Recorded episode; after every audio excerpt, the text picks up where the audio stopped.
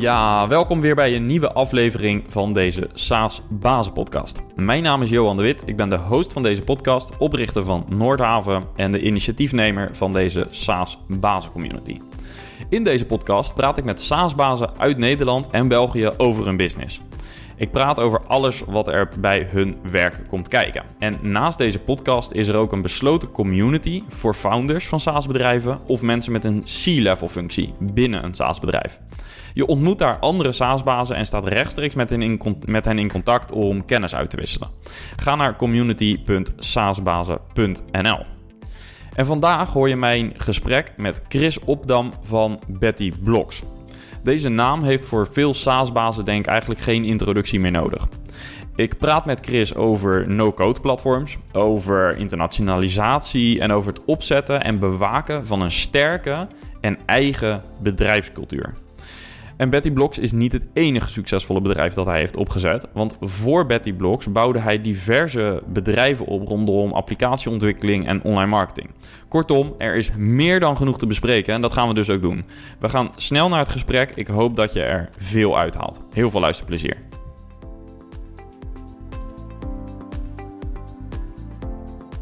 Chris, van uh, harte welkom in de SaaS Basis ja, dankjewel. Leuk dat ik er mag zijn. Ja, uiteraard. Uh, je, hoort, uh, je hoort hier denk ik gewoon een beetje thuis als, uh, als SaaS-baas in Nederland. Um, veel luisteraars kennen jou wellicht al of zullen sowieso waarschijnlijk een van jouw bedrijven kennen. je hebt er een aantal opgericht, Holder, Wooler, maar Betty Blocks, de belangrijkste voor vandaag in ieder geval. dat is een no-code platform. En misschien is het een leuke start om te beginnen met jouw B-hack. Uh, in 2023 kan iedereen een applicatie bouwen. Uh, kun je dat eens uitleggen? Ja, natuurlijk. Uh, misschien belangrijk om eerst uit te leggen waarom het belangrijk is, deze B-hack. Ja, wat wij zien is dat software wordt alleen maar belangrijker met de dag. Is nog steeds exponentiële groei in de vraag naar software. En daarom vinden we het belangrijk dat eigenlijk iedereen een bijdrage kan leveren of moet kunnen snappen um, hoe software gemaakt wordt. Ik vergelijk het altijd met je, met je rijbewijs uh, halen. Dus als je rijles hebt, dan moet je ook een van de lessen en bij het afrijden moet je ook uh, aanwijzen welke onderdeel van de motor waar zit. Zodat je in ieder geval iets snapt van de motor. Nou, en dat is eigenlijk met software vind ik ook zo. Dat als je veel software gebruikt, moet je eigenlijk ook een klein beetje weten hoe je het kan maken. Of eigenlijk het zelfs gewoon zelf kunnen maken. Nou, en dat is wat onze BIAC is. Dat in 2023 moet iedereen, ongeacht training of whatever, gewoon zonder, uh, zonder hulp, zelf applicaties eh, kunnen gaan maken. En we denken dat in de toekomst eh, een no-code platform eigenlijk een soort eh, heel belangrijke tool aan de toolbelt moet zijn van iedere professional. Ongeacht in welke industrie je zit of welke functie je hebt. Ja, en daarmee zit het een beetje in de hoek van een Word of een PowerPoint. Dus ook zonder training kun je daarmee aan de slag. Inderdaad, ja, in die hoek moet je het eigenlijk ook zien. Ja. Oké, uh, dat is een uh, behoorlijke ambitie. Daar zul je zo uh, in deze aflevering denk ik wel meer over gaan vertellen. Um, maar als we even wat teruggaan. Um, je hebt dus een no-code platform ontwikkeld. Um, waar en wanneer is dat idee ontstaan? Ja, ik ben, dat ik nog op school zat, een, het eerste bedrijf begonnen samen met mijn broer Tim. Dat was een maatwerk softwarebedrijf. En toen dat groter groeide, um, merkten we dat onze eigen software, onze interne software, onze administratie wilde ook steeds verder verbeteren. En dat was mijn broers verantwoordelijkheid. En uh, dus ja, aangezien je een softwarebedrijf bent, maak je dat natuurlijk zelf. Uh, er was ook niet echt goede software voor, uh, vonden we. dus dat ben je zelf aan het maken. En alleen op een bepaald moment ben je dan afhankelijk van, ja, is hij afhankelijk van allemaal programmeurs om die software verder te ontwikkelen. Dus hij zegt op een bepaald moment als niet-programmeur, joh, uh, waarom kan ik het zelf niet? Nou, dan zeiden wij als programmeurs, want uh, ik ben ook een oud programmeur. En moet je programmeertaal leren. Hij zegt, dat wil ik helemaal niet. Kunnen jullie het gewoon niet even makkelijker maken, dat ik het zelf kan doen? Nou, dus uh, wat tegenwoordig dan citizen development genoemd wordt, dat hebben we eigenlijk gewoon zelf aan de lijve meegemaakt. En zo zijn we eigenlijk verder, steeds verder gaan ontwikkelen aan, aan dat product wat nu Betty Blocks is. Ja, en ook over welke periode praten we dan? Ja, Betty Blocks bestaat officieel sinds 2013. Uh, dus dat is nou zo'n zeven jaar uh, geleden. Alleen daarvoor waren we al bezig met de ontwikkeling uh, van het product. En ik moet zeggen dat er zijn zoveel verschillende voorlopers van dat ik niet eens meer weet welke, welk jaar de eerste versie was. maar we zijn er al, al heel wat jaren mee bezig. Ja, en ehm, jij bent zelf ontwikkelaar van achtergrond dus. Dus heb jij dan ook zelf de basis van dat platform ontwikkeld destijds? Nou ja, ik, eh, zelfs toen we hiermee begonnen was ik al niet meer, was ik al geen fulltime ontwikkelaar meer. Dus dat zou iets te veel credit zijn. Maar ik heb tot op de dag van vandaag denk ik wel altijd mee als het gaat om architectuur en hoe het platform in elkaar zit. En hoe de eindgebruiker, hoe de ervaring moet zijn. dus dat is meer de bijdrage die ik lever. Ja, en uh, vandaag de dag ben je natuurlijk vooral uh, de CEO, dus zul je niet zo heel dicht meer op de techniek zitten, denk ik. Maar daar gaan we het uh, later in de aflevering nog wel even over hebben. Um, sinds die ontwikkeling, um, dus je zou kunnen zeggen, jullie zijn nu ongeveer een jaar of zeven echt bezig. Sinds die ontwikkeling hebben jullie een behoorlijke prijzenkast verzameld, volgens mij. Um, als ik jouw naam google dan, uh, of, of de naam van Betty Blocks, dan kom je duizelingwekkende groeicijfers tegen, ook van de afgelopen jaren. Um, maar daarnaast, en dat is toch ook wel een ding waar ik het graag eens over met je wil hebben, is uh, cultuur. Want naast uh, de groeicijfers zie je ook heel veel menselijkheid. Hè. Ik zie wat quotes bijvoorbeeld. iedereen moet, een, moet zich thuis voelen op kantoor, een fijne werkplek hebben. jullie hebben een naam gekozen waar je je mee kunt identificeren. Um, hoe belangrijk, of, of, zou je de cultuur ook zo omschrijven binnen jullie? Want het is toch een techbedrijf, eh, maar zou je de cultuur ook menselijk omschrijven? Hoe, hoe ja, hoe, hoe moet dat zien? Ja, ik denk dat menselijk is echt een heel uh, belangrijk woord uh, voor ons. Menselijkheid. Het geldt aan de ene kant natuurlijk voor het type product wat we willen zijn. Dus dat iedereen, ieder mens moet het kunnen gebruiken. Dus het moet niet technisch aanvoelen. dus ons bedrijf moet dat ook niet. maar daarnaast vinden we ja, normaal met elkaar omgaan. Um, het Nederlandse normaal vinden we ook heel erg van belang. Al is het alleen maar omdat uh, ik en mijn broer uh, zo opgevoed zijn. Uh, we komen hier uit de kop van het Holland en daar doe, je al, doe je al snel gek genoeg, zeg maar. Um, dus, en dat hebben we geprobeerd ook altijd mee te nemen in de bedrijfscultuur die we hebben. Dus, dus menselijk, maar ook samen iets doen. gevoel van erbij horen, familiegevoel. Uh, zijn soms een beetje clichés of dooddoeners, maar het is toch iets wat automatisch ontstaat. Dus als ik het dan vertel, klinkt het bijna nog bedacht. Maar het is wel echt iets wat door de loop, loop der jaren gewoon uh, ja, met elkaar is ontstaan. Dus ja, tegenwoordig zeg ik altijd, als je wil weten wat onze bedrijfscultuur is, kun je beter misschien aan een collega van me vragen. Uh, een van de collega's, om te horen hoe die het zouden omschrijven. Dat is denk ik nog veel interessanter.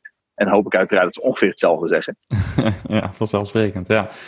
Um, uh, hoe bewaak je die cultuur als je nou, en internationaal gaat, maar überhaupt ook um, binnen de Nederlandse landsgrenzen zo snel groeit? Ja, de, uh, ervoor zorgen dat je er gewoon aandacht aan besteedt. Uh, dus het is ook gewoon echt gewoon een kwestie van organiseren. we doen zaken, die noemen we dan ook intern dan cultuur-events. dus soms is het gewoon een feest te organiseren. Soms is het veel meer in, uh, in de combinatie van leren. Uh, dus we hebben hier uh, een event en dan zijn er verschillende ruimtes waar je heen kan. En bij de een kan je leren koken. En bij de ander kan je leren ons platform te gebruiken. En bij de ander kan je weer wat anders leren. En dat hoeft niet eens direct met het bedrijf te maken te hebben. Dus ja, door gewoon dingen te organiseren. En ik denk ook wel gewoon ook door zichtbaar te zijn. En, en, en voor mij en anderen ook gewoon het goede voorbeeld geven. Uh, dus uh, ervoor zorgen dat je niet een CEO bent die ergens in een uh, kantoor weggestopt zit. Maar ook gewoon, ik loop graag rondjes op kantoor om te kijken hoe het met iedereen gaat, een praatje te maken en zo. En klinkt heel eenvoudig, maar dat zijn wel echt dingen die je moet blijven doen. en dat doe je ook internationaal, is dat geldt al hetzelfde. Dus we hebben een kantoor in Londen en een kantoor in, de, in Atlanta en Georgia in de Verenigde Staten. En dus aan het begin haalden we altijd mensen veel hier naartoe, doen we nog steeds. Het is nu wat lastig deze fase, maar hebben nog wel gewoon regelmatig uh, contact. En ook gewoon daar ook mensen aannemen die diezelfde normen en waarden ook uh, delen met elkaar. En zo uh, laten uitleggen hoe dat is. En ik denk dat een belangrijk onderdeel van onze cultuur is ook gewoon um, toch wel mensen ook de vrijheid geven, zeg maar, en, en verantwoordelijkheid. waardoor ze zich op zijn gemak voelen. En ja, ook in de Verenigde Staten werkt dat eigenlijk net zo goed als hier. Je ziet dat er echt wel cultuurverschillen zijn. En maar uiteindelijk zijn we allemaal gewoon mensen op dezezelfde aarde die eigenlijk best wel dezelfde basisbehoeften hebben zelfontplooiing, uh, je wil gewoon het beste uit jezelf kunnen halen. En leuk met mensen samenwerken, nou, dat moeten wij faciliteren als bedrijf. Ja, en dat zijn dus pijlers waar je op richt, ook waarschijnlijk dus in je, je aannamebeleid van personeel. Um, hoe zie je dat uh, op internationaal gebied bij de klanten? Want daar kunnen natuurlijk ook cultuurverschillen zijn. Ik hoor vaak van uh, bedrijven, met name SaaS-bedrijven, die in het buitenland hebben geprobeerd. Zelfs bijvoorbeeld in een land als Duitsland um, zo dichtbij, zou je zeggen, dat het niet lukte. En dan lag het niet eens per se altijd aan de, de mensen, de mensen die het werk moesten doen, maar soms ook aan, gewoon aan de klanten. Dat de marktomstandigheden anders waren of klanten een andere cultuur gewend waren. Ehm, hoe ja, profileren jullie jezelf bijvoorbeeld in de Verenigde Staten? Is dat echt als Nederlandse partij of nemen jullie toch wel de Amerikaanse cultuur daar wat meer over? Uh, nou, we, verbergen het niet in ieder geval. Uh, we hebben ook niet uh, net gedaan alsof ons hoofdkantoor daar zit of zo. Dus uh, wij geloven er wel in dat als wij gewoon onszelf blijven, dat is ook weer handig en nog een belangrijke waarde die we hebben. dat mensen daar, als je, dat mensen komen daarop af. En dat zie je eigenlijk over de hele wereld hetzelfde. Kijk, je ziet wel verschil tussen, laten we zeggen, large corporates en mid-market en daaronder. Daar zie je wel verschil in. Maar ook bij grotere bedrijven werken gewoon mensen die aan het eind van de dag weer naar huis gaan, uh, met hun kinderen uh, wat gaan eten. Of uh, met hun vrienden ergens wat gaan doen. Dus ja, dat is eigenlijk over de hele wereld overal hetzelfde. Dus um, als je verhaal van je product in de basis gewoon maar goed genoeg is, dan worden dat soort dingen worden ook op een bepaald moment echt meerwaarde. En wordt het een soort unique selling point. omdat wij proberen gewoon continu een menselijk bedrijf te zijn. En daar worden ook gewoon fouten gemaakt, weet je wel. Dan doen we wel eens iets verkeerd. Um, maar als je je daar niet achter verschuilt en ook niet. Wat, weet je, soms ook wel zie is dat, dat sommige bedrijven, zeker ook jongere bedrijven, die gaan ze een soort van zakelijkheid aanmeten. En ik ben nu een bedrijf, dus ik ga nu een bedrijfje spelen of zo. En sommige bedrijven houden dat tot, tot op langere leeftijd vol. En dan willen ze heel graag een soort van corporate zijn. Dus ja, wij zijn dan helemaal zakelijk of zo. Terwijl ja, ik denk, ik, waarom? Dat is altijd mijn eerste vraag. Uh, wees gewoon jezelf en, um, en kijk of we. En, dat trekt vanzelf de mensen aan en klanten aan die dat waarderen. En ja, ons valt op dat er best wel veel bedrijven zijn die dat kunnen, uh, uh, die dat kunnen waarderen. Ja, wie willen nou iemand tegenover zich hebben die, die net alsof doet of zo? Ja, dat, ik denk dat dat bijna nergens in de wereld echt zo werkt. Alleen je moet het wel aanpassen aan de lokale, aan de lokale cultuur. Maar de, dezelfde waarden zitten er denk ik wel altijd onder. Ja, en waar zitten die aanpassingen in? Ja, in Verenigde Staten werkt toch net iets wat anders. Zijn ze iets gevoeliger voor hiërarchie bijvoorbeeld. Uh, dus je kan wel als uh, junior salespersoon daar heel erg jezelf blijven zitten zijn. Wat je natuurlijk ook wel moet doen. Maar ja, uh, dan helpt het maar een heel klein beetje bijvoorbeeld. Nou, dat zijn belangrijke dingen. Um, je merkt dat zeg maar onze Nederlandse directheid werkt heel vaak wel voor je. Alleen ja, je moet het wel een beetje doseren op het juiste moment. En een klein beetje met humor erbij doen. We werken ook in Groot-Brittannië en Ierland ja, daar uh, doet humor echt superveel. Je moet gewoon uh, even mee de kroeg in, zeg maar. Inderdaad, dat werkt ook.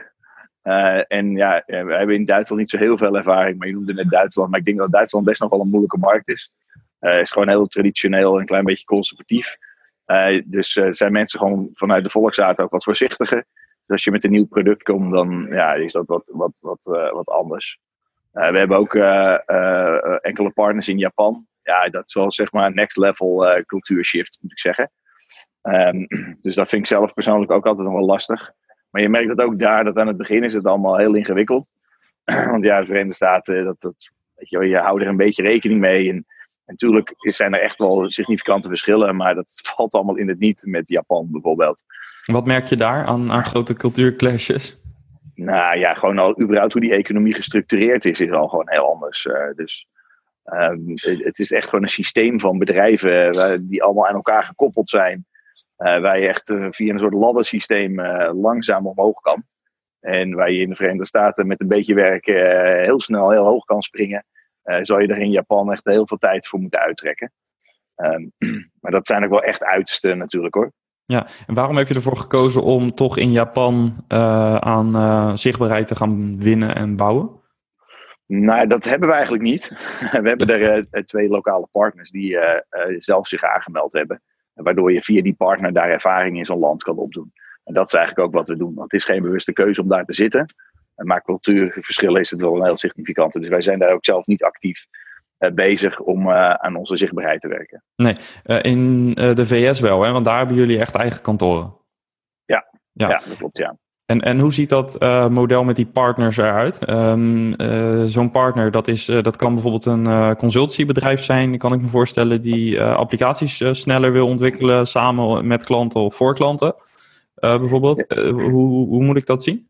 Wat voor rol we heeft hebben, we hebben drie verschillende partners. We hebben een reselling partner, we hebben een implementation partner en we hebben strategic partners. Een strategic partner is een, een partner die um, eigenlijk een soort van gekoppeld is aan ons product. dus Microsoft is een strategic partner van ons. We werken samen met SAP. Um, en daar kan, kan je zeg maar Betty Blocks goed in de combinatie met hun producten gebruiken. een reselling partner is inderdaad een consultancybedrijf die gewoon bij bedrijven komt waar ze software nodig hebben. En die een soort wederverkopen. Uh, dan uiteindelijk maakt de klant het zelf of weer nog iemand anders. En een implementation partner is echt iemand die het en verkoopt en ook daadwerkelijk de applicatie levert aan, aan, aan onze klanten. En ehm, ja, vooral die implementatie, reselling klanten, dat is uiteindelijk waar we onze schaalbaarheid vandaan halen. En waar we ervoor zorgen dat we lokaal, de couleur lokaal kunnen adapteren, zeg maar, in verschillende landen. Ja, want zij kunnen dan ook bijvoorbeeld support doen. De, in ieder geval de eerste lijn support, kan ik me voorstellen. Ja, dat kan. Toch zie je dat veel van onze support gaat eigenlijk via chat bij ons. Op ons platform, dus via ons eigen supportdesk. Uh, dan hebben we in, uh, in West-Europa bieden wij support en in Noord-Amerika. Sorry. En um, dat gaat eigenlijk allemaal voornamelijk via die manier. Maar als onze partners een, ergens een applicatie leveren en de klant heeft een vraag over die applicatie, dan gaan ze inderdaad direct naar de partner toe. Ja, um, wat is jullie strategie om uh, meer partners binnen te halen? Is dat, is dat, uh, kijken jullie dan bijvoorbeeld naar landen waar ze over het algemeen het meest vooruitstrevend zijn? Want ik kan me voorstellen dat dat een belangrijk kenmerk is voor jullie. dat een, een land wel dermate ontwikkeld moet zijn op technologisch vlak dat ze klaar zijn voor de volgende fase, no-code. Ja, dat uiteraard is dat ook. Kijk, qua partners is het voornamelijk inbound, dus bedrijven die ons benaderen. Uh, omdat uiteindelijk een bedrijf overtuigen om je platform te gaan gebruiken is best wel ingewikkeld. Uh, dus als een, partner zelf al overtuigd is dat hij een no-code platform wil gaan gebruiken en, uh, en hij is dan bij ons terechtgekomen, um, vinden wij de beste situatie. Dan kijken we inderdaad wel in welk land iemand zit. Um, maar het gaat er de eigenschappen van de partner zelf zijn uiteindelijk veel belangrijker. Want die hebben al die klantcontacten. Uh, dus als de partner zelf overtuigd is dat uh, Betty Blocks daar uh, voordeel kan bieden voor hun klanten, dat, daar, kijken we veel meer naar. Want we hebben ook een partner in de Filipijnen bijvoorbeeld. En ik zou oprecht niet eens weten hoe innovatief de Filipijnen als land is. het is een heel andere economie. volgens mij um, ligt de koopkracht in dat land ook een heel stuk lager. Maar dan leunen we vooral op onze partner die daar zit. En die snapt dat, snapt dat veel beter. Uh, dus de, het is niet zozeer dat het, uh, dat het soort selectiecriteria is dat het land waarin ze zitten niet oké is. Want uiteindelijk zie je in elk land is er een vraag naar software. De vraag is meer, kan onze partner dat uitleggen aan onze klanten? Of aan, aan onze gezamenlijke klanten? Ja, um, als je het in percentage zou moeten uitdrukken, hoe groot deel van jullie business gaat uiteindelijk via partners en wat gaat rechtstreeks? Ja, is, min, is minder dan de helft is dat.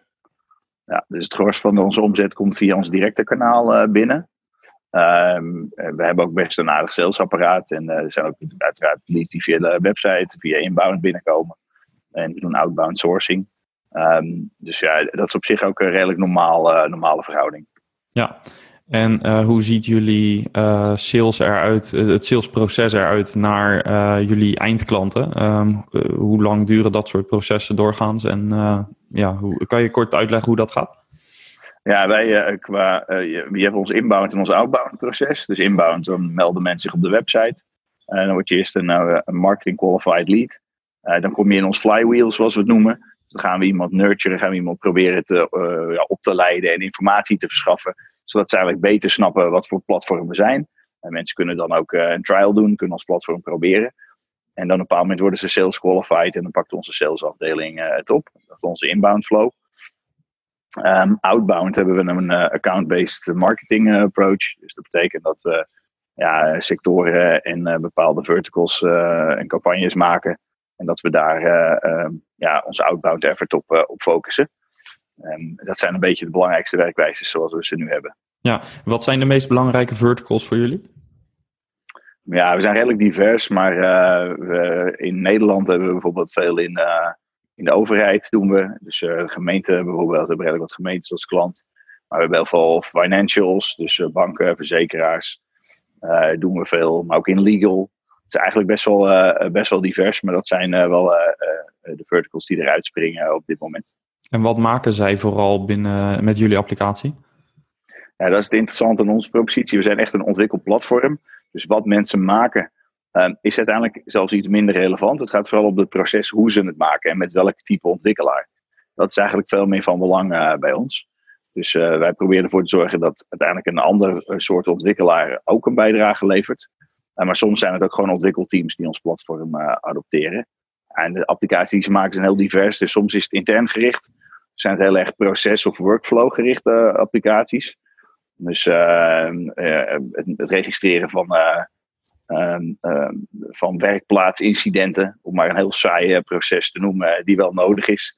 En aan de andere kant zijn het salesportalen of zelfs e-commerce platformen die gemaakt worden. En eigenlijk in die hele range van applicaties wordt allemaal gemaakt op het platform. Ja, want dat wat jullie bieden is natuurlijk een platform waarbij je in principe alles kunt bouwen wat je maar wil. Maar er zijn wel vooraf gedefinieerde bloks en modules. Dus ik kan me voorstellen dat vanuit jullie marketing het interessant kan zijn om inderdaad specifiek te targeten op uh, partijen die iets willen bouwen wat al eerder gemaakt is, omdat je dan nog een uh, snellere time to market hebt?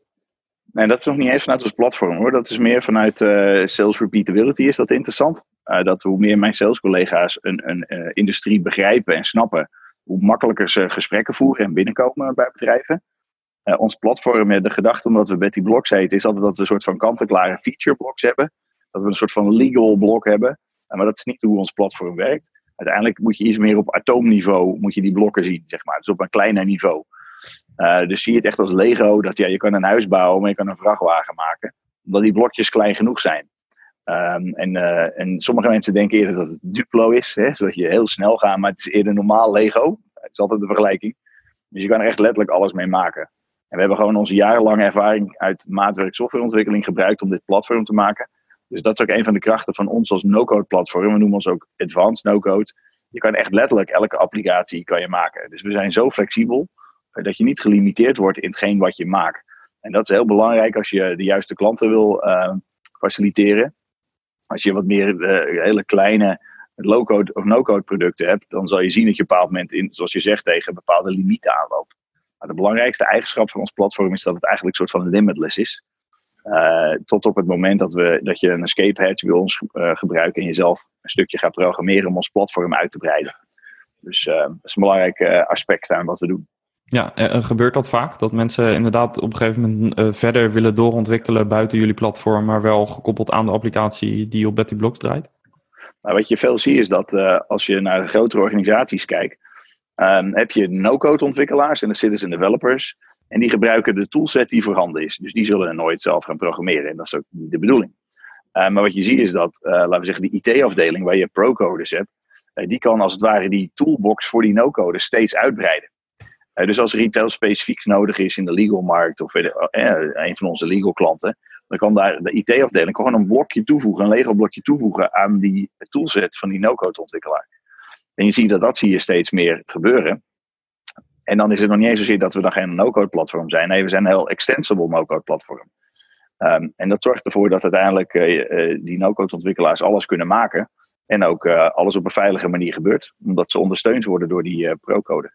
Ja, dus dan krijg je eigenlijk twee levels. Dus je hebt het level um, citizen developers die in principe alles drag-and-drop-achtig kunnen maken.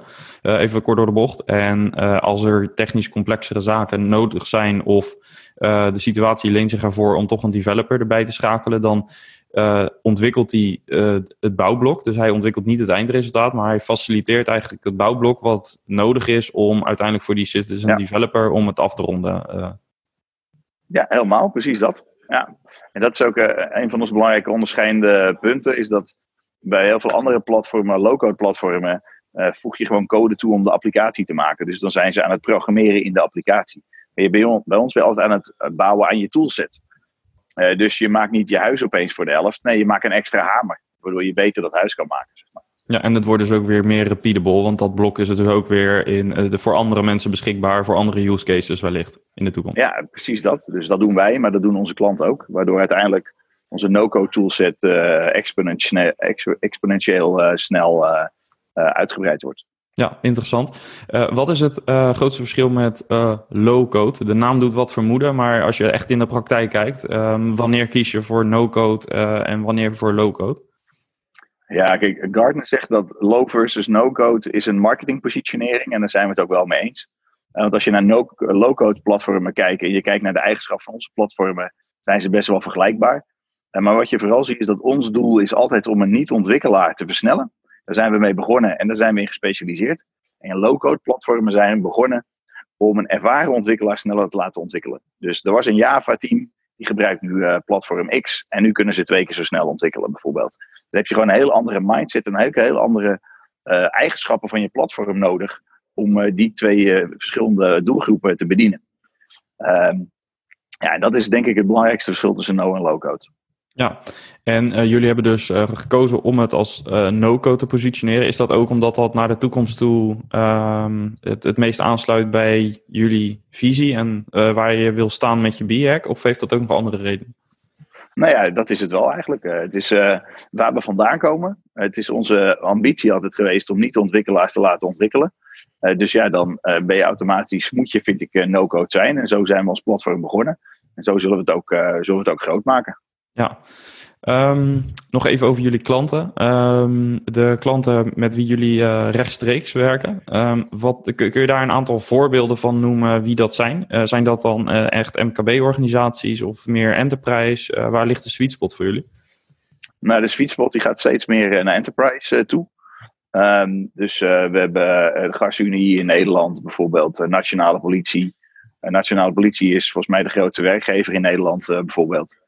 Uh, en dat zijn echt grotere organisaties. Maar we hebben ook meer uh, mid-market organisaties, zoals uh, Zorg van de Zaak, wat een echt een heel mooi bedrijf is. ja, en dat zijn, zijn hele mooie voorbeelden in Nederland die we doen. Maar internationaal hebben we qua legal hebben we Clifford Chance als top drie legal partij globally als klant. we hebben Norton Rose Fulbright. Het zijn allemaal top 10 spelers op wereldschaal. Um, ja, en ook in de Verenigde Staten is die mid-market is echt enorm. Dus daar hebben we heel veel klanten waar ik ook nog niet, nooit eerder van gehoord had, maar waar dan wel 30.000 man blijkt te werken. En ja, dat is in Nederland is dat uh, een large enterprise en dat is, uh, is bijna nog mid-market in de, in de Verenigde Staten, zeg maar. Ja. Dus ja, dat is het interessante aan, uh, aan wereldwijd werken, is dat je op plekken komt waar je nog nooit, nog nooit geweest bent, A. Maar ook bedrijven tegenkomt waarvan je denkt, jezus, dit is echt een heel gaaf bedrijf. Maar daar heb ik zelfs in de Verenigde Staten nog nooit iemand van gehoord. Nee. En misschien moeilijk te zeggen, maar uh, waar, uh, wat, wat is uiteindelijk het geheime recept achter dat dit soort bedrijven voor jullie kiezen? Want er zijn natuurlijk ook uh, namen als Salesforce waarop je de, zulke applicaties kunt bouwen. Um, jullie zijn genoemd in het Gartner Magic Quadrant volgens mij.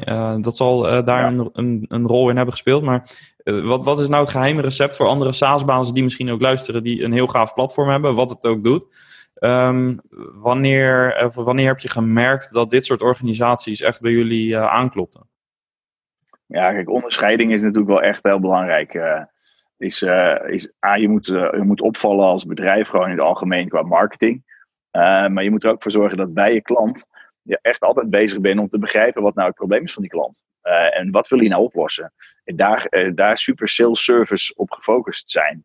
En ik denk dat dat heel erg van belang is. En als je wil groeien, is, uh, is uh, repeatability gewoon heel erg van belang. Uh, dus hoe meer je focus, hoe beter het werkt. als je met hagel gaat schieten. Kijk, wij zijn uiteindelijk wel een SaaS-bedrijf, maar bij ons zijn wij zijn best wel sales-heavy. Dus wij verkopen ook nog veel aan, aan IT-departments bijvoorbeeld. Ja, dat zijn, dat zijn geen creditcard swipes of zo, dat mensen even wat afnemen. Het is geen self-service product. Het is zeker geen zelfs.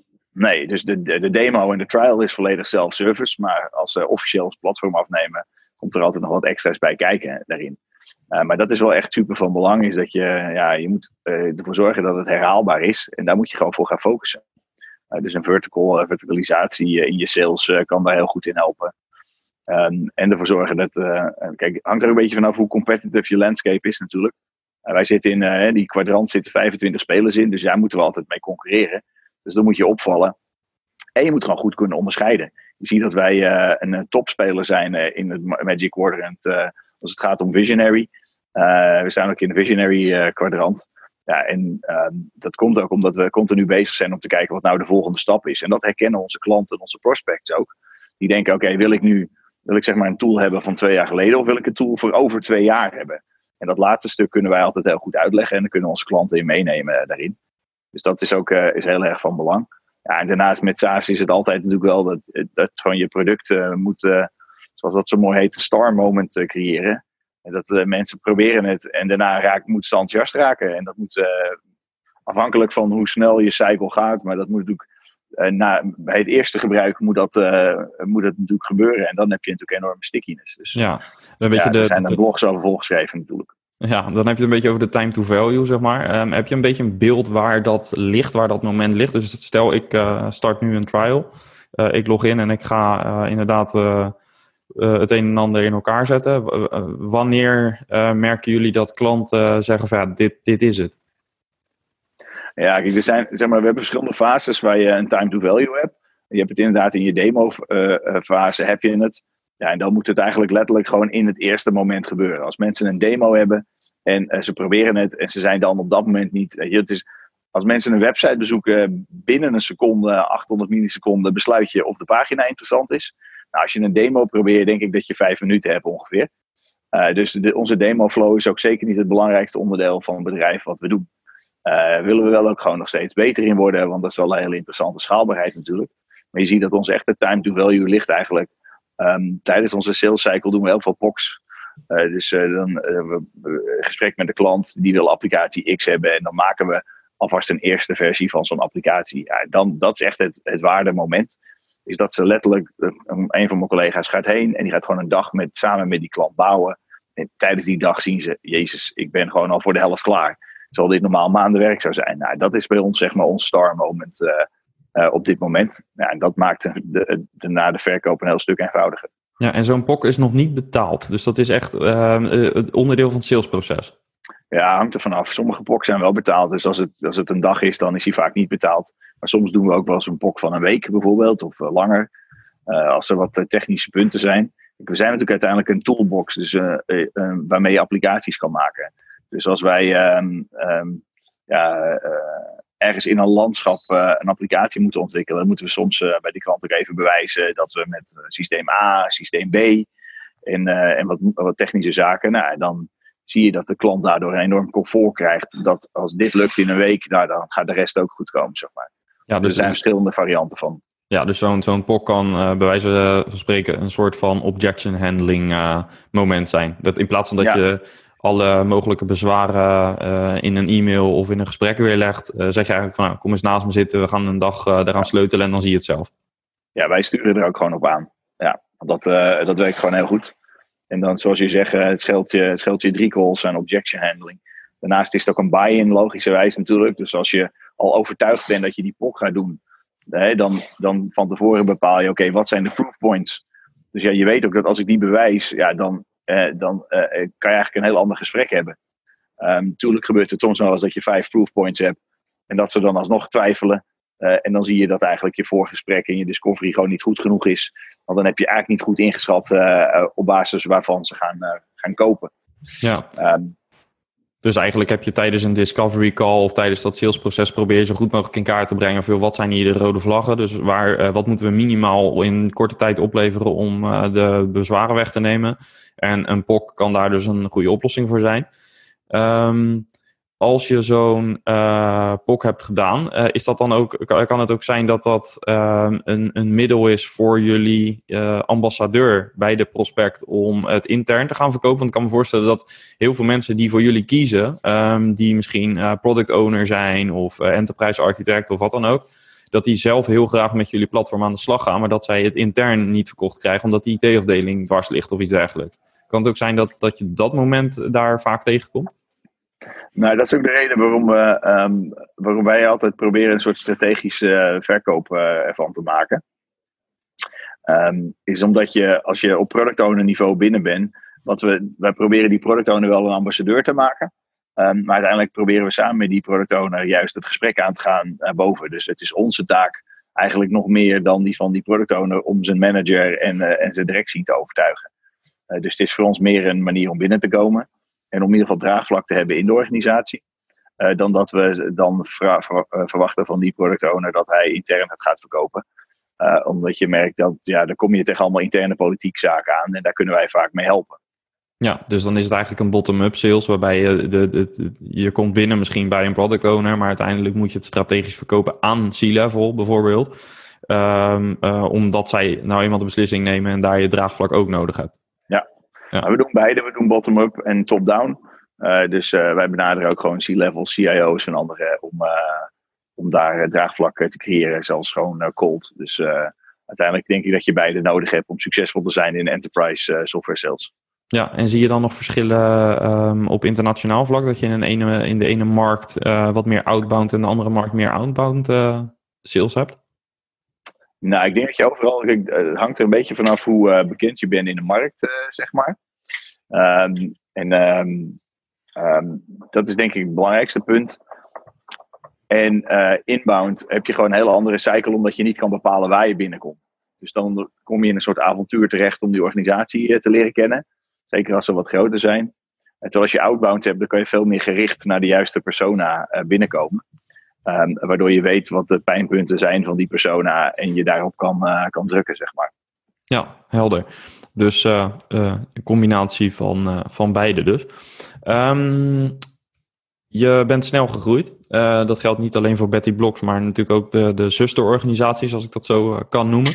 Um, hoe bewaak je in dat hele proces van die groei um, de, de kwaliteit van uh, niet alleen het eindproduct, maar ook alle variabelen die daarin een rol spelen? Dus uh, cultuur hebben we het over gehad.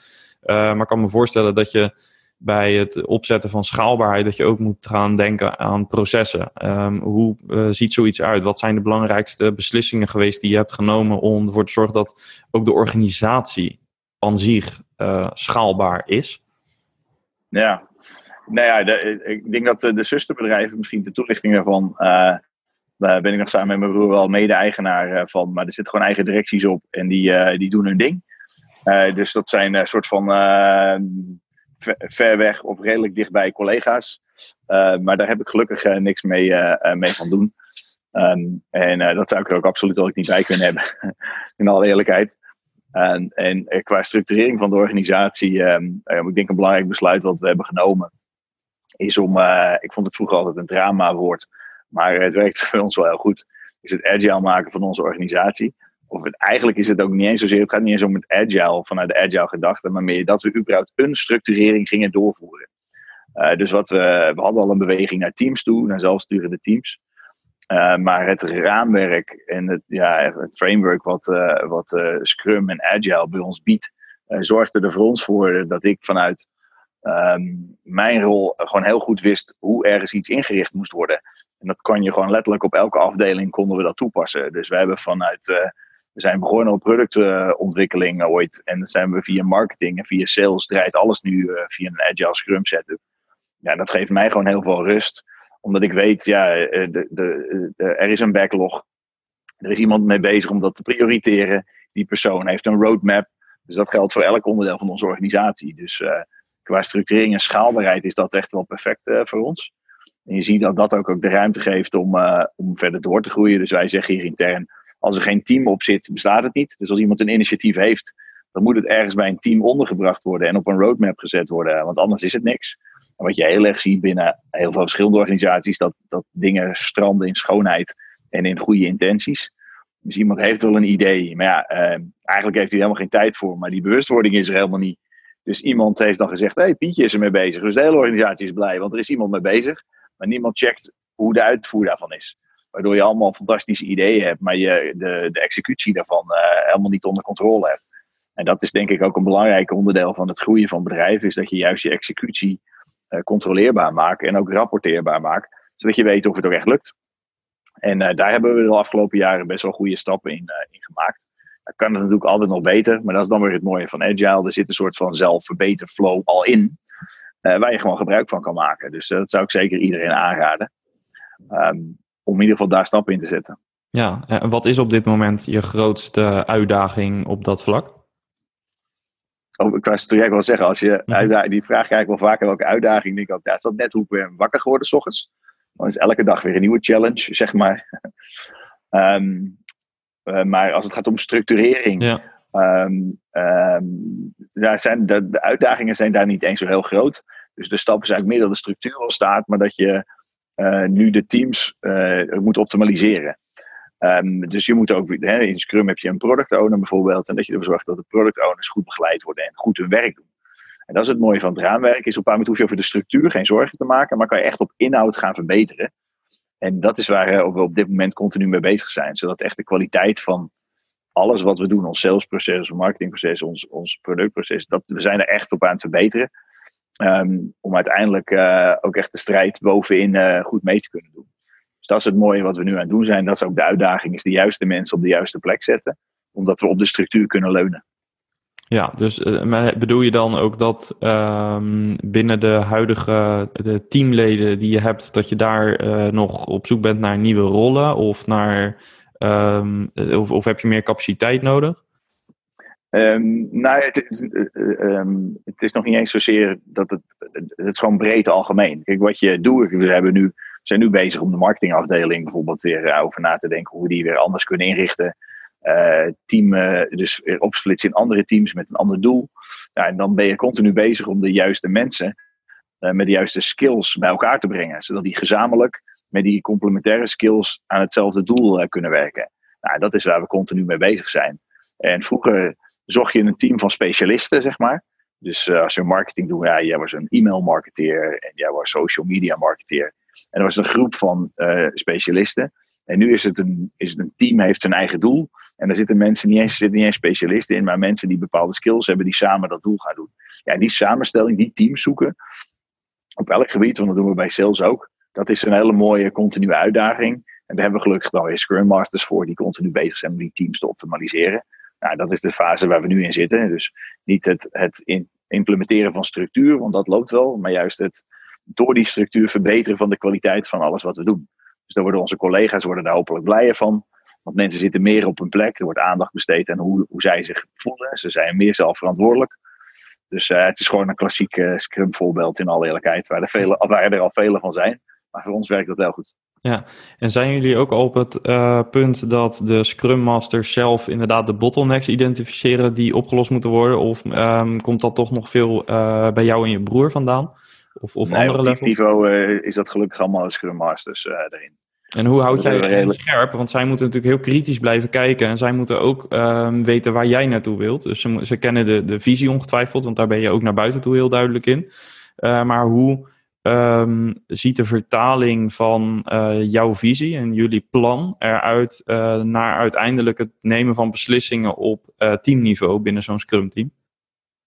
Ja, nou, wat we doen is we hebben een, een, een directieteam, een VP-team. daar zijn mijn broer en ik gewoon onderdeel van. Dus dat is één team. waarin we met elkaar continu de wat meer lange termijn en hoogovere strategie en werkwijze met elkaar bepalen. Uh, op het moment dat die strategie helder is, dan uh, wordt dat omgezet in een presentatie. Dan wordt dat eerst weer door die VP gevalideerd bij de verschillende teams. Dus dit is mijn plan, wat vind je ervan? Dus het is niet een plan met een strik eromheen. Nee, je gaat eerst checken, kan dit plan eigenlijk wel? Uh, en, dan, en daar nemen we tegenwoordig ook meer tijd voor dan vroeger. um, en dan op een bepaald moment is zo'n plan eigenlijk, weet iedereen al van het bestaan van het plan af. Iedereen heeft er al zegje over gedaan. En daarna komt er een town hall binnen zo'n afdeling, zoals we dat dan nu noemen. En dan wordt het plan nog een keer gepresenteerd. Maar eigenlijk moet tijdens zo'n town hall iedereen al weten um, wat er ongeveer gaat gebeuren. Maar dan worden daar nog de final questions weer opnieuw gesteld. Nou, en dan ga je dat ook blijven herhalen. Dus een maand later zou je het eigenlijk weer moeten doen. Want ja, hoe gaat het nu? Weet je we hebben dit nu dit veranderd. Wat vind je ervan? Ja, dat komt eigenlijk vanuit, ja, laten we zeggen, de visie die mijn broer en ik hebben. En dan gaat het via het VP-team naar beneden. Maar in alle eerlijkheid, um, gelukkig uh, komen het rust van de ideeën niet meer alleen maar bij mijn broer en mij vandaan, maar juist ook van de organisatie zelf. En dat is een beweging die je best wel ziet en dat proberen we ook alleen maar meer te stimuleren. Alleen soms gebeurt het wel eens dat we bovenin, laten we zeggen, een idee hebben waarvan we overtuigd zijn. Ja, en dan ga je dat dus valideren met de rest en ga je het wel van boven iets wat meer naar beneden doen. Ja, ik denk dat dat ook altijd wel een beetje zal blijven, zeg maar. Want ja, ik heb iets meer tijd om over na te denken dan dat iemand die dagelijks uh, met zijn voeten in de klei staat ergens, zeg maar. Nou ja, het is de combinatie van de twee die het het sterkst maakt natuurlijk. Ja, uh, hoe is dat voor jou geweest, die ontwikkeling? Want ik kan me voorstellen dat je zes, zeven jaar geleden vooral zelf inderdaad de beslissingen moest nemen, omdat je ook zelf misschien het meest vooruit was.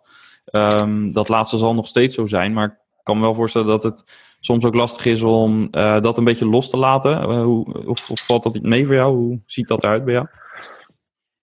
Nou, mijn carrière is sowieso een cursus loslaten van het begin. Ik ben uh, ooit samen met mijn broer begonnen met z'n vieren zijn we. En toen deed ik alles. Toen, uh, ik verkocht het. Ik moest het designen, grafisch gezien, uh, applicaties. Daarna moest ik het bouwen, moest ik het testen, moest het onderhouden. Dus echt letterlijk full circle alles. En toen werd ik daarna meer een soort van projectmanager en verkoper. En dus dan moet je de techniek loslaten. Dus ik ben letterlijk elke stap die we weer zetten, moet ik weer meer loslaten. Dus daar moet je ook de lol van inzien. Ik moet zeggen, dat, dat zie ik ook zeker. Dus uh, de fase waarin we nu zitten, is dat ik, dat ik het vooral ook probeer te temporiseren. Oké, we hebben nu een idee, laten we nu maar gewoon eens een kwartaal lang uh, uh, geen wijzigingen proberen door te voeren. Ook al is dat best lastig, want je bent wel echt super continu in beweging. Um, dus dat is echt mijn, mijn rol geworden, is zeg maar hoog over een idee hebben en dan ervoor zorgen dat iemand anders ermee aan de gang gaat, zeg maar. Um, ja, en dat lukt de ene keer beter dan de ander daarin. En um, ja, af en toe uh, vanuit techniek vind ik het vanuit de productontwikkeling gewoon leuk om, uh, om mee te blijven denken. En de ervaring die ik nou inmiddels al heb, uh, van zelfs voor 2013, ervoor te zorgen dat mensen in ieder geval gebruik maken van die ervaringen. Want ja, stel je bent een jaar lang developer in, aan ons platform. Dan kom je met allemaal ideeën die we misschien al zes keer geprobeerd hebben en om bepaalde redenen niet gelukt zijn. Nou, dan wil ik op zijn minst de, die ervaringen delen zodat we daarna goed een besluit uh, nemen erin. Dus dat doe ik op vele verschillende plekken, vooral de ervaringen weer terugleggen. Zodat we daarna hopelijk een goed besluit nemen. Ja, en zodat het ook uh, breed gedragen wordt en mensen ook snappen waarom iets wel of niet uh, doorgevoerd wordt. Ja, ja. Nou, zeker in deze coronatijd is het gewoon super belangrijk om, om transparant te blijven communiceren. Um, en eigenlijk wat ik wel geleerd heb is, als ik denk dat ik het doe, dan moet ik gewoon nog twee keer zoveel doen. Ik denk dat dat niet eens voor mij geldt, maar voor iedereen. Want je, je zit gewoon altijd in een, een managementpositie, weet ik veel waar. Denk je altijd dat iedereen wel snapt wat je bedoelt, zeg maar. Dan ga er maar vanuit dat het niet zo is. En dat als je het uitgelegd hebt, je ongeveer nog maar halverwege bent. Misschien nog niet eens. Uh, dus ja, dat is echt heel erg van belang. Dus dat draagvlak, zeg maar, daar moet je continu mee bezig zijn. En daar moet je ook lol in hebben om dat te doen, zeg maar. En, en heel praktisch, hoe doe je dat? Ja, het, het, het zijn allemaal, hangt een beetje van verschillende onderwerpen af, zeg maar. Kijk, wij werken nu uh, weer gedeeltelijk weer op kantoor. Uh, we hebben eerst fulltime thuis gewerkt en we zijn nu langzamerhand weer terug aan het keren naar kantoor. Nou, dat is denk ik oprecht het allermoeilijkste proces wat we ooit als bedrijf hebben meegemaakt. Want je zit met uh, gezond, gevoelens van gezondheid, veiligheid. Ehm, je zit met mensen die denken, ja, ik wil eigenlijk thuiswerken, ik wil helemaal nooit meer naar kantoor komen. maar je zit ook wel met het goed functioneren van je bedrijf. Nou, en dan kan ik maar één ding doen en dat is praten, praten, praten, praten. En daarom ben ik heel blij dat we al Scrum Masters hebben, want die praten met de teams. Dus enquêtes sturen, vragen wat mensen ervan vinden. En weer uh, tegenwoordig uh, een Zoom starten met eh, 240 mensen. En dan uitleggen waarom we dingen doen zoals we doen. En dan, dan weer in de chat alle vragen zien en beantwoorden. Dus daar is eigenlijk gewoon, uiteindelijk is het gewoon werk en de tijd aan besteden. Toevallig hoorde ik afgelopen weekend van mijn collega, van, zijn vriendin werkte bij een ander bedrijf ja, ik, eh, ook ik twijfel wel eens of we het goed doen of niet, zeg maar. Toen vertelde hij nou, het vertelde niet het verhaal hoe het daar ging. En zegt hij nou, jezus, dan zijn we echt een uh, witte raaf zijn we dan. Dus ik ben in ieder geval blij dat, dat hij in ieder geval heeft gevalideerd. dat, uh, dat we in ieder geval oké bezig zijn. Uh, maar ook daar zijn Gus nog weer volgende stappen in te nemen. Maar ja, dat, dat moet je leuk vinden, elke keer een volgende stap zetten. Ja, en dat is ook iets waar je dus ook in moet groeien. Want dit, is, dit ziet er natuurlijk heel anders uit dan zeven jaar geleden toen jullie net starten. Ja, inderdaad. Ik denk dat wat wel handig is om, om toe te lichten, is dat we zijn 18 jaar geleden begonnen met het eerste bedrijf Holder. En dat is eigenlijk getransformeerd in wat nu Betty Blocks is. Dus eigenlijk is dit éénzelfde avontuur uh, waarvan we op 2013 zeg maar een, een nieuwe fase begonnen. Um, dus ja, er zit gelukkig wel heel veel ervaring daarin en heel veel leer, uh, heel veel lessen. Um, dus uh, ja, dus de, dat is, een, is een heel lang proces. Ja, uh, nu komt, natuurlijk de clichévraag, maar ik ga hem toch stellen. Uh, wat is de belangrijkste les die je in al die jaren hebt geleerd? Ja, ik, ik denk dat uh, het hebben van focus is echt, is echt, is echt, is echt key. Voor mijn collega heb ik een mooie plaket gekregen. Maar af en toe sparen we van die debiele quotes, zoals je ze wel kent. En er is er eentje van Bruce Lee en die zegt A successful warrior is an average man with laser sharp focus. En dat vind ik wel een mooie, vind ik ook omdat ik mezelf heel, heel normaal vind. Ehm, ja, ik, ben, ik kom nou niet echt uit. uit ik ben een soort Joe Average, voel ik me altijd. mijn vader is boembollenkweker, weet je wel. Ik bedoel, ja, ik bedoel, dat is wel lekker Nederlands altijd, makkelijk uitleggen. Maar ja, dat is nou ook niet echt heel speciaal, zeg maar. Ehm, en dat vind ik die quote daarom zo interessant, is dat eigenlijk kan iedereen dit, als je maar de discipline kan opbrengen om focus te houden en om hard te blijven werken, zeg maar. Dus ik denk dat dat zou wel de key zijn daarin. En, uh, en volhouden. Dat is, het zijn eigenlijk nog niet eens hele eh, ingewikkelde eigenschappen, maar als je ook echt gewoon kan volhouden, dus je hebt een bepaalde visie en je gelooft erin, focus op die visie, zorg dat je je ruis wegkapt en dat je gewoon vol blijft houden. Uh, dan of je komt op het moment aan dat je blijkt dat je visie niet klopt en dat de markt er niet voor is, zeg maar. Of het succes komt gewoon een keer. En uh, dat uh, hebben, merken wij gewoon, is dat we blijven gewoon volhouden en we blijven erop op knallen. En dan, dan, dan komt het vanzelf. Nou, dat is bij ons ook gebeurd. En, en die houding hebben we ook nodig om weer naar de volgende fase te gaan, namelijk. Ja, toch nog even over focus. Want je geeft aan, focus is echt, echt key. Uh, tegelijkertijd heb je dus best wel verschillende, of eh, niet verschillende bedrijven. Je hebt een aantal bedrijven uh, opgericht, waarvan je net al aangaf, daar ben ik niet meer operationeel bij betrokken, want dat zou ook niet meer gaan. zijn er wel momenten geweest waarop dat conflicteerde? Dat je dus meerdere bedrijven, dat je daar ook operationeel de leiding had en dat je daarom merkte dat sommige dingen misschien niet zo snel of goed gingen als dat je wilde? Nou, misschien dat dat ook de reden is waarom ik altijd zo hamer op focus, omdat ik het zelf zo slecht voorbeeld ben geweest.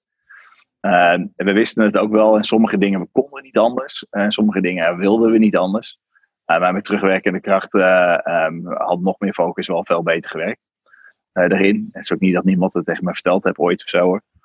dus, um, dus ik denk dat, ik geef zelf altijd aan, joh, luister vooral naar mij. Want ik, heb ik ben erachter gekomen dat het, niet, dat het minder werkt.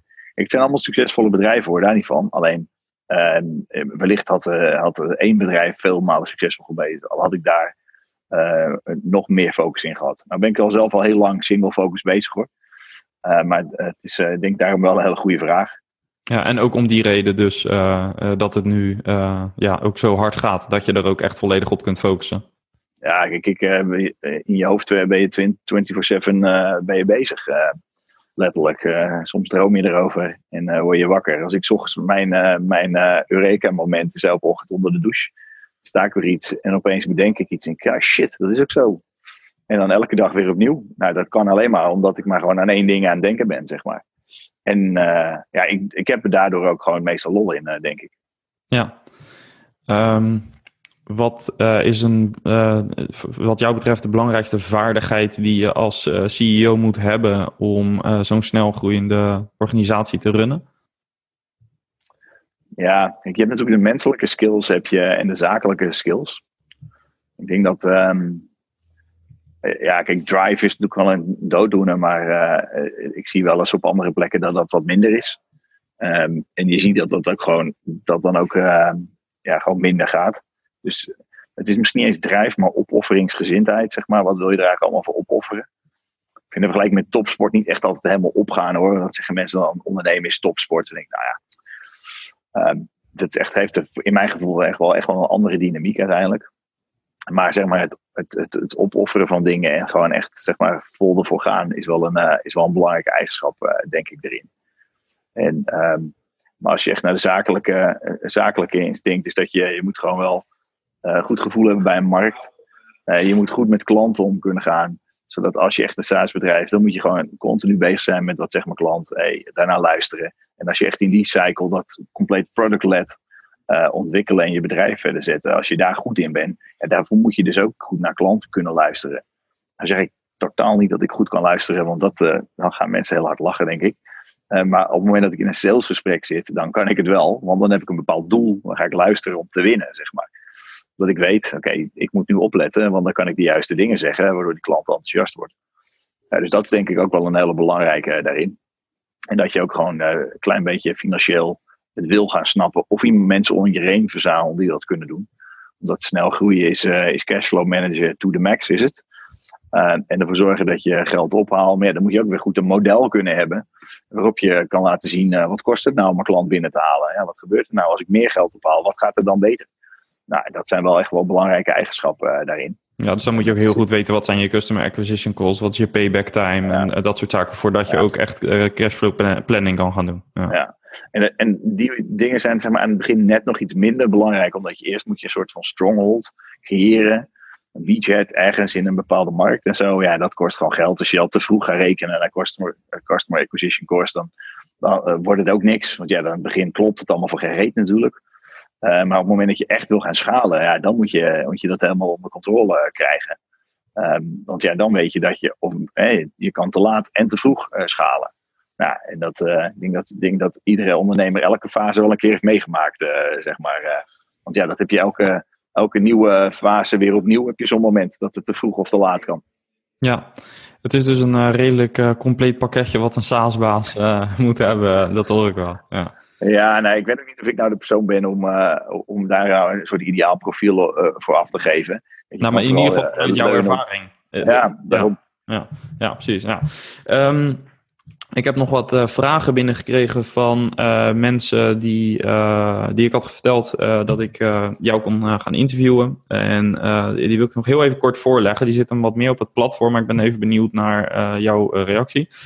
Eén ervan is, ehm, ik volg Betty Blocks al een tijdje en ik bewonder hun groei. Maar wat ik me steeds afvraag, wat voor soort gebruikers gebruikt hun platform nu eigenlijk? En wat voor soort oplossingen maken ze daarmee? Die is eigenlijk al een beetje beantwoord. Dus zowel de gebruikers ehm, loopt heel erg uiteen. Oplossing eigenlijk ook. Uh, jullie hebben een aantal verticals en vanaf MKB Plus kan eigenlijk iedereen er gebruik van maken. Ja, denk ehm, wat je ziet is, we hebben via ons partner-ecosysteem kunnen gewoon elk bedrijf service die er is. Uh, wij hebben zelf van wat een focus voor iets groter, zeg maar.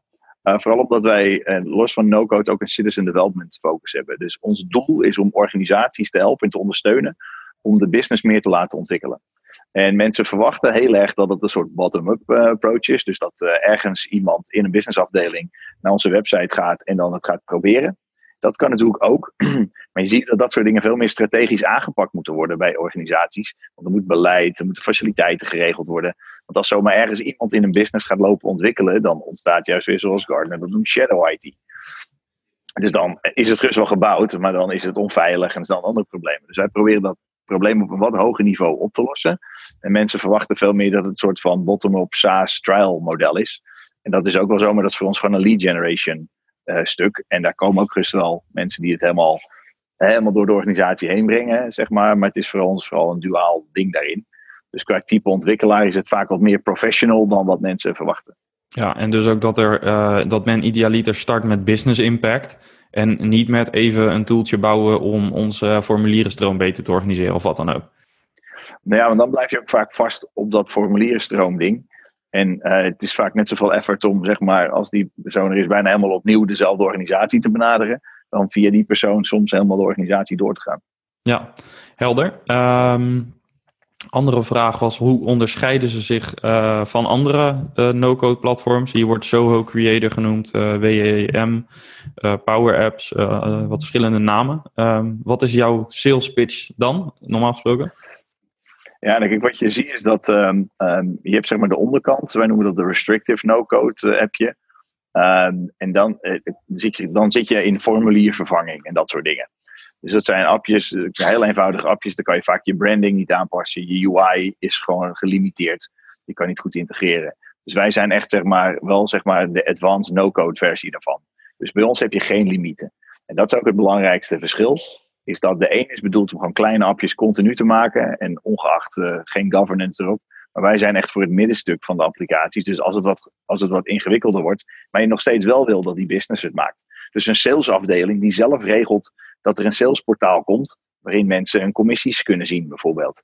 Dus het is compleet business-led. Dus de businessafdeling die leidt het, die bouwt in ons platform, maar de IT-afdeling die helpt wel. En dat zie je bij die andere kleinere partijen, zie je dat niet.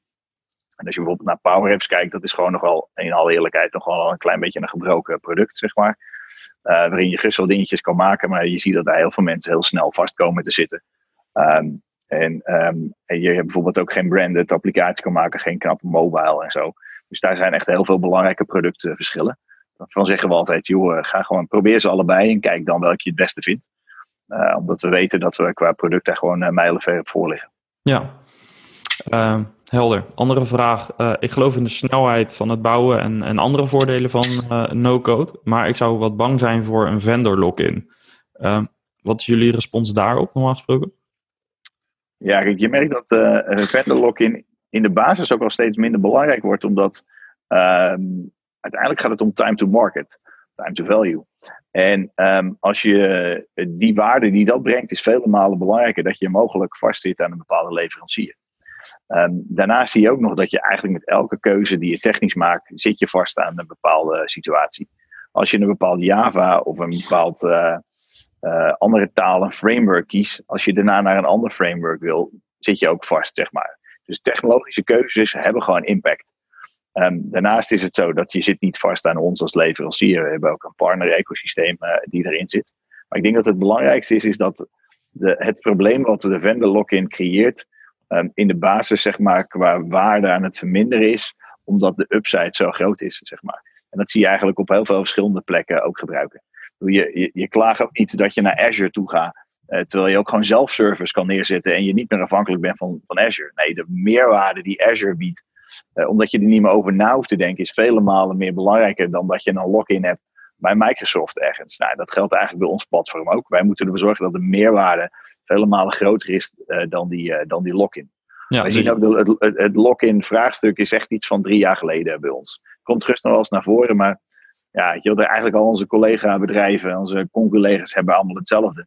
En sommigen hebben daar wat uh, ja, theoretische oplossingen voor en zo. Maar uiteindelijk heb je dat gewoon overal. En dat is ook prima, want het hoeft geen probleem te zijn.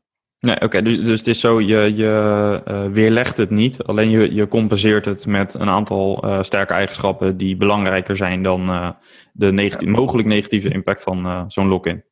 En daarnaast proberen we ons platform ook zo, zo open mogelijk te maken. Dus wij omarmen overal standaarden. Dus we gebruiken de GraphQL standaard. Al de applicaties die je maakt qua frontend zijn gewoon React applications. Uh, dus als je zou willen, zou je die applicatie uit ons platform kunnen halen en op een andere plek weer gaan gebruiken. Um, alleen ja, dat zijn eigenlijk situaties waar zowel wij als onze klanten eigenlijk niet mee bezig zouden moeten zijn.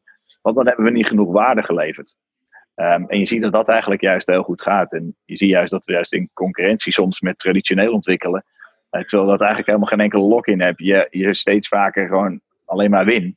Ja, dan zou je zeggen, nou ja, dan is blijkbaar ook het argument van vendor lock-in ook gewoon wat minder waard tegenwoordig. Ja.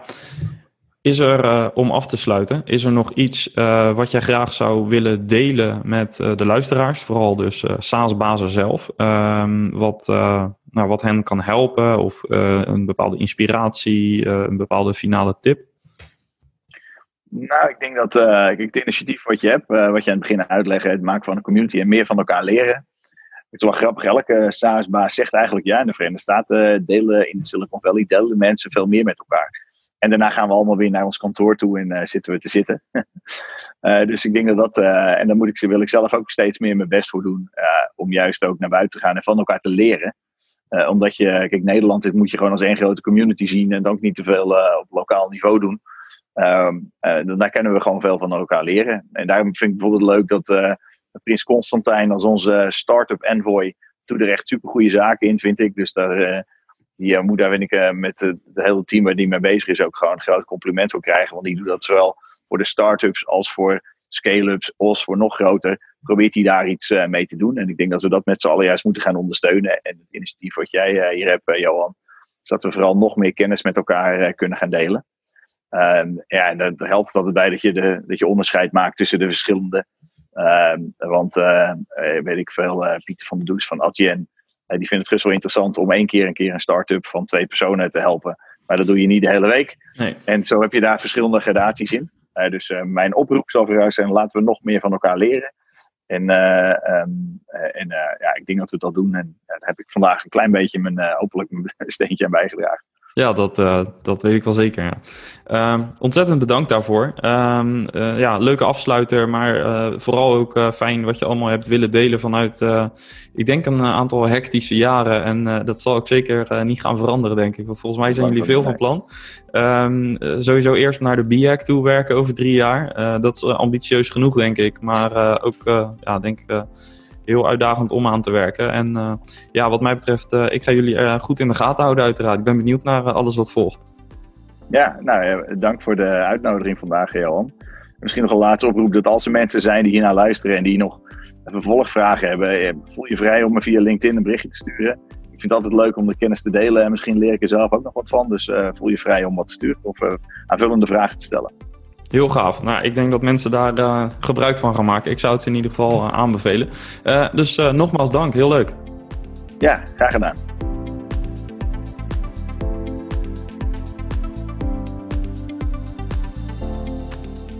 Ja, en tot zover dus mijn gesprek met Chris. Ik ben erg blij om een SaaS-baas als Chris aan boord te hebben. Het is uh, moeilijk om zoveel lessen en inzichten in een aflevering van een half uurtje te proppen. Uh, en daarom heb ik deze aflevering ook gewoon wat langer gemaakt. Desondanks, je bent hier aangekomen, dus je hebt hem helemaal afgeluisterd. En hopelijk vond je hem net zo interessant als ik. Ben je zelf een SaaS-baas en wil je met andere SaaS-bazen sparren over jouw bedrijf? Meld je dan aan voor de community op community.saasbazen.nl. Of wil je liever één op één met mij nadenken over jouw business? Voeg me even toe op LinkedIn en stuur me een berichtje.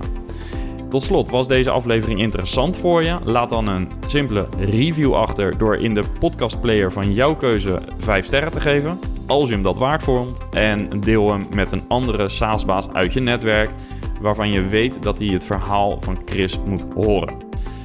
Goed, voor nu ontzettend bedankt voor het luisteren en ik zie je graag de volgende keer. Ciao!